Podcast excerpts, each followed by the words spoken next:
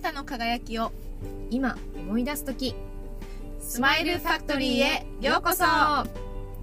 スマイルファクトリーは自分の輝きを開花させて軽やかに毎日を過ごしたいあなたに送る番組です。イエイ。始まりました。パチパチパチパチパチパチパチパチ。パチ今第1回目と第2回目ははい。ちょっと外で撮ったらうんはいはいはいはい雑音が周りの雑音が結構入ったのでうん現在車の中でお送りしております。そうですね。どうですかね。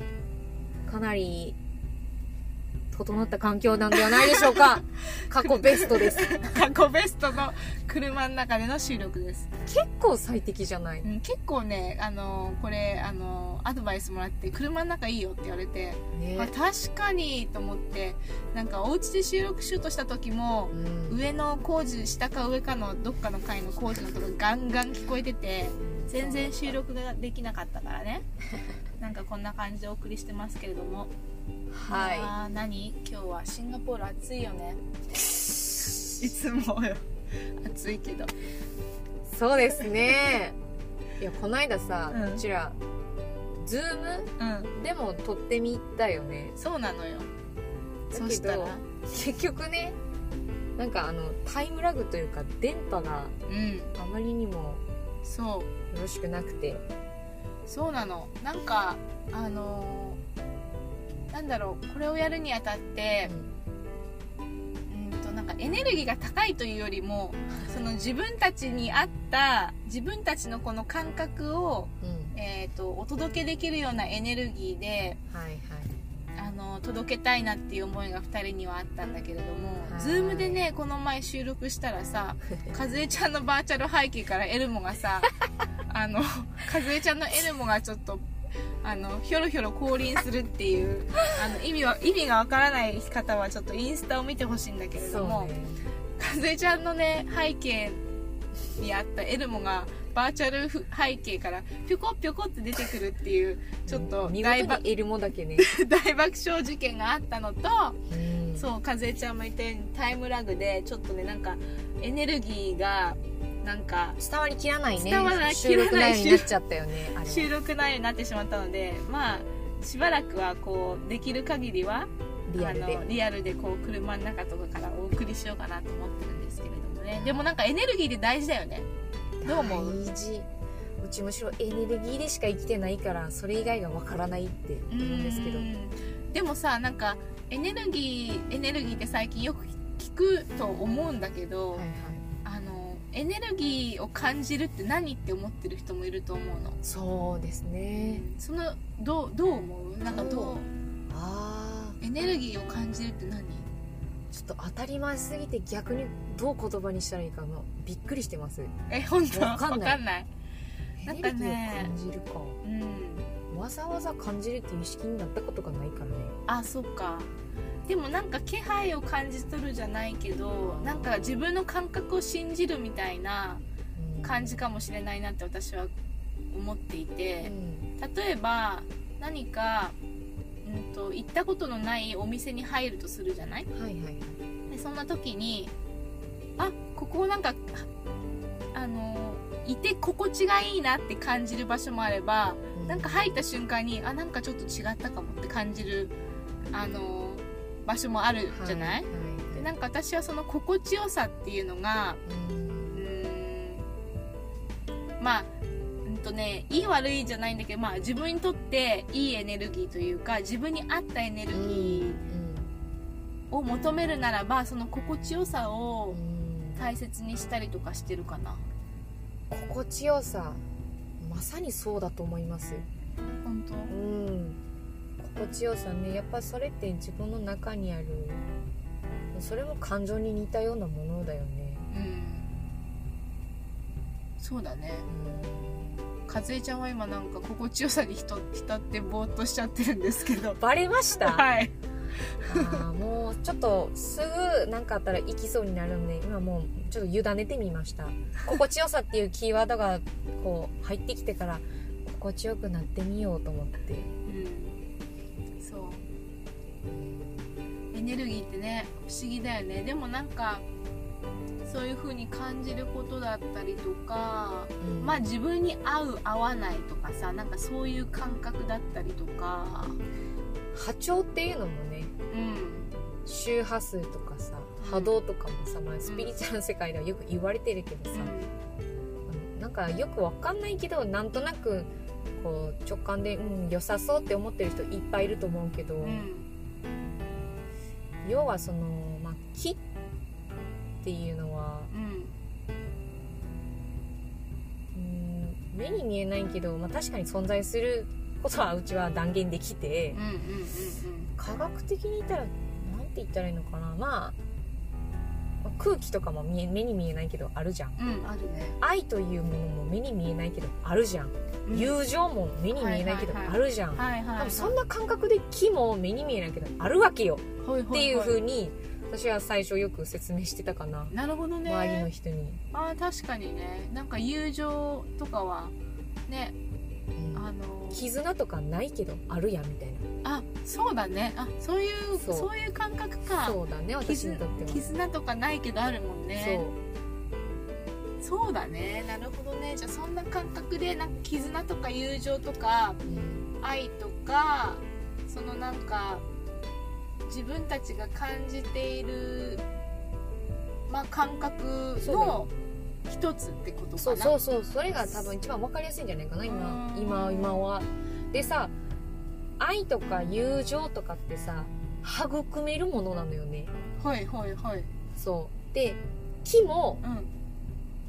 一緒育めるんですっていうのは別の言い方をするとより自分なりに整えることができるってことです、はいはいはい。で自分の中の気感覚、うん。心地よさがうん。整ってくるとう、ん。やっぱりそれこそ目には見えないんだけど、ん。その波動がね周りに伝伝播するからうーん。だからその「類は友を呼ぶ」みたいな言葉もここで出てきて同じ周波数を奏でてる人が引き寄せられてるんだよね。そういうことだね。だって和江ちゃんあのほら自分を整えたらさ周りも整うみたいなこと言ってたじゃない、はいはい。そういうことだよね。だから自分えそれはどういうこと？例えば自分の周りにいる家族とか友達を喜ばせたいとか、ハッピーにしたいって思うとその本当にそうしたいんだったらまず自分をハッピーにした方がうん。早いよねっていうそういうことだね。ことだね、まあ端的に言えば。簡単に言うとね自分をそうい犠牲にして自分が息苦しい状態でうん。人をハッピーにできるかもしれないよ。でうん。もそれは本当の部分ではうん。ハッピーにできてないよって。もう少し具体的に分かりやすく言えば例えば自分の親うん。に私が自分の心に嘘をついて本当はそれはしたくないけど親が喜ぶだろうということでそれだけでやってたら親ってやっぱり子供が自らの意思で心から喜んでやってる状態でうん。うんあの親を喜ばせようとしてないのでやっぱ親もそこをやっぱ感じ取るんだよね、この子は自分を犠牲にして自分に嘘をついて私を喜ばせるためだけにしてるんだってやっぱ悲しくなるわけ逆に。はいはいはいやっぱそれってこう目には見えないけど感じ取るものなのよ。親だからこそ分かるエネルギーってあるじゃない、なるほど。そうだからまあそうけ結論から言うと本当に親を喜ばせたいんだったらあなたが幸せな道を生きなさいみたいな、えってことは逆に言うとうん。親も子供を喜ばせたいならあなたがあな親であるあなたが自分の幸せな道を生きなさいってこと？いいとこつきましたゆかこ先生。今日も素晴らしい。そうなんです。えだって絶対今あの子供がいる人たちみんな思ってたと思うそうよ。さすが母親目線。私はやっぱり子供目線でね。いやいいコンビえでもさそうするとさこういう思考とかが出てこない。いやでも私なん私がさ自分のなんだろう。自分にとって楽しいことばかりをしているとあの子供がみたいな。わかる？なんかうん。子供のことにえっ、と子供のことまで気が回らなくなるんじゃないかとか。わかんない。考えてみて。それを考えてる時点でうん。やらないよ、親は。しかも優しいから、うん。本当にパッパラパーでさうん。はっちゃけて私だけが楽しければいいって人はそんなことすら考えてもいないからああそう考だよね。えずにやっちゃってるからもうすでに。考あそうだよね。そうだよね。えてるってことはうん。悩んでるうん。子供をやっぱまだ第一に考えてるからうんうんうん悩むんだよね。私楽しんでいいのかなっていうことよ。あそうだねそうだね。はいはいはいはいはい。そうそうそうなるほど逆になる悩んでるぐらいならもっと楽しめようぐらいのほどあそういうことか。逆に。逆にね。でもその楽しみ方もやっぱ種類があって、うん。もちろんなんていうのかなその人、まあ迷惑にもまた種類があるんだけどね。あからさまになんか騒音でさ なんか家の中で爆音で音楽流してさ、ね、ひ人とも一緒に生活してるわけだから、うんうんそれはちょっと調整しつつね、うんうんうんでもそのある程度人に迷惑かけない程度であれば何でもいいんじゃないっていう、でもなんかそうだよね。なんか自分にとって楽しいことをしたりとか自分がやりあのなんだろうなんかさすごくさ生活レベルに落とし込むとねうん。なんかあの落とし込むと例えばあの自分があの飲みたいタイミングで好きなお茶を飲むとかさうん。わかるなんかあの母親あるあるだと思うんだけど、はい。子供が何じゃ何かをしてるから私のお茶は後でみたいなさ。はい。なんか生活レベルで言うとねそうよね。なんかそういうこととかまあもちろんその子供に合わせて自分で後からゆっくりみたいなこともできるんだけどうん。なんか意識的にそういうあの自分のうん。がほっこりするようなほっとするようなことをする時間を取ったりとか。そうだね。いやでもなんか私もそういうことを意識的になんか私意識しまくりなんだけど前回のさエピソードも 意識的にいろいろ取り入れてんだけどだねだからね本当にねなんか意識的にそういうことをやってきたからあのちょっとずつちょっとずつその目の前の世界が軽やかになってききてるというかなんかそういう楽しいなとかそういう感覚になってきてたりとか。うん。なんか毎日がそうっていうわけじゃないんだけど、もちろんその人間だから悩んだりとかあの嫌だなって思うこととかうん。どうして私がみたいなさこういう思そういうふうに思うこともあるけどなんかちょっとずつその自分が楽しいっていう感覚を掴んでいくにはそういうちょっとした生活の中でのちょっとした楽しみとかそうだよね。あの自分をちょっと優先する時間を作るとかかな、ん。なんかそういうことをするそうのがね大事なのかな、それは大事ね。うん。だけどもうん。言う言うけどもさなかなか難しいよみたいなリスナーさんもいると思うんだよねお母さんそうでやっぱそうでしょ。だってりそそそうでしかないでしょ。そうでしかないでしょねそれね今ゆかちゃんの話聞きながらいろいろなんかちょっとソリューションじゃないけど考えながらちょっと聞いてたのよね。うん。っていうのはそのそもそも、まあ、日本人のお母さんに特にある今でも多い考え方の一つで、母親は子供のために生きなきゃみたいな、うん。私なんかがみたいな、あ、だからこそまあこういうねちょっと、うん。まあ、ポッドキャストを通していろいろ私たちなりの意見シェアしたいんだけども、お母お母さんはさその今子供がうん。先に飲みたいジュース飲んでるから私が飲むのはやっぱ後回しうん。後でってそれはそれで時間設けられるけど、まあ、今飲みたいみたいな時もあるじゃん、うん。お母さんも人間だから、だからさそういうのはもし旦那さんがうん。いるまあ大体旦那がいる家庭だけど、うん。シングルマザーっていうパターンもあるけど、まあ、旦那がいる場合はそれをさ正直に、あの実は最近私ちょっと自分の時間が欲しくなってきたのよねとかさ、それを旦那は言わなくても分かるべきとかじゃなくって、やっぱそれはちょっと普段言う癖がない人はね、勇気いると思うよ。最初は恐れながらもやっぱそこはある意味じ本当の自分の幸せのためにね、正直に私は普段子育てでこのように時間を使っていますと、あなたも仕事で忙しいと思いますと、だけどやっぱり私もやっぱ一人間なのでうん。自分の時間少しは欲しいんですっていうのをさそれを怒り口調とかじゃなくてさやっぱり旦那も人間だしうん。旦那も仕事で疲れてるのは一緒だからうん。そこをこう工夫してねそのやっぱシミュレーションそれこそ私がよくやってるシミュレーションなんだけど例えば言う前にこういうトーンでこういうタイミングで言ったら響きやすいかなとかさ、ちょっと練習してあの軽くジャブしててみたら、うん。あのその反応を見てさ、うん。そこから改善できるわけじゃん。うん。だからそのそれこそ思い込みでうん。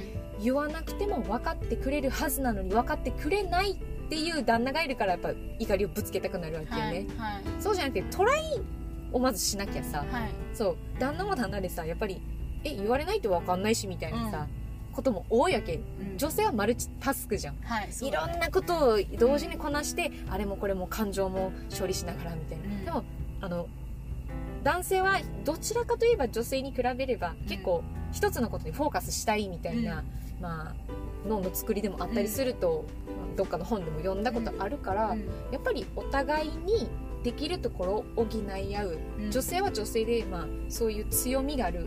マルチタスクできるからこそあー旦那さん今この状態で言ったら響くなとかさ、うんうんうんそしたら旦那は旦那でさ「ああそうなんだね」みたいな、うん。言ってくれたら意外と結構やってくれるみたいなうん。パターンもあるわけじゃん、あると思う。だから最初から諦めてほしくないっていうなるほどのはあるね。じゃあちょっと今日なんかそういうの言えてない人がいたら。ね今日ぜの今日のチャレンジ。ひ、自分へのチャレンジ一つ。でそう最後にあのもう一つ、まあ、ヒヒントがあるんですけど、そういうふうに言いやすいそういうシチュエーションに持っていきやすい前段がありましてお。私個人的なあのアドバイスなんですけど旦那さんが例えば会社から帰ってきた、まあ、今ちょっと在宅学増えてますけど、うん。お仕事が終わった後に一言、もう笑顔で心から「お疲れ様ってうん「今日はどんな一日だった?」って聞いてあげると、うん。自分にアテンションが来てる状態なので心が開きやすくなるんですよ。うんうーん。なんか優しい優しい言葉をかけるみたいな。そうそうそう。なんか構えのバリア張ったままの状態ではなくて一回ほぐしてあげるんですよ、うん。奥さんが。うんしたらあ僕のことも気にかけてくれてるんだなっていう感じからの,、うん。あの実は私もこういう時間が欲しくてってうん奥さんが言うと「おいいよいいよ」みたいな。るね。なわかる？わかる。だからその自分がしてほしいことを先に相手にしてあげる。はい。と自然と人は恩を返したくなるから。いや本当にそうだよ。もう皆さんやりましょう。ぜひぜやってみよひもしよければううんじゃ使ってみてください。あじゃあ今日はそんな感じで。はい。唐突だねまた。すぐなんかじゃあ今日はそんな感じでとか言って。ゆゆかこ切りたがる。ゆかこ終わりたがる。終わりたがるみたい。ないやいやなんかもうちょっと情報あの情報をいっぱいあの受け取ったので自分の中でも整理してですね。やってみようと思います私もじゃあ。はい。では今日はこんな感じで終わりにしてみましょうか。そうだね。じゃあ皆さんもなんかこれを聞いてね。なんか感想とかあったら教えてほしいよね。ぜひぜひ、うん。あのゆかこちゃんか私かぜちゃんのまあインスタ？インスタでもいいしスマイルファクトリーのそうですね。インスタでもいいし、はい。なんかなんかこの聞いてるプラットフォームでももしかしたらメッセージとか送れるのかな。なんかそういう機能があったらねうん。ぜひ送ってほしいですぜひぜひお待ちしてます。というわけでまた次回。楽しみにしてくださいね。皆さん良い1週間を。お過ごしください。では。バイバーイ。バイバイ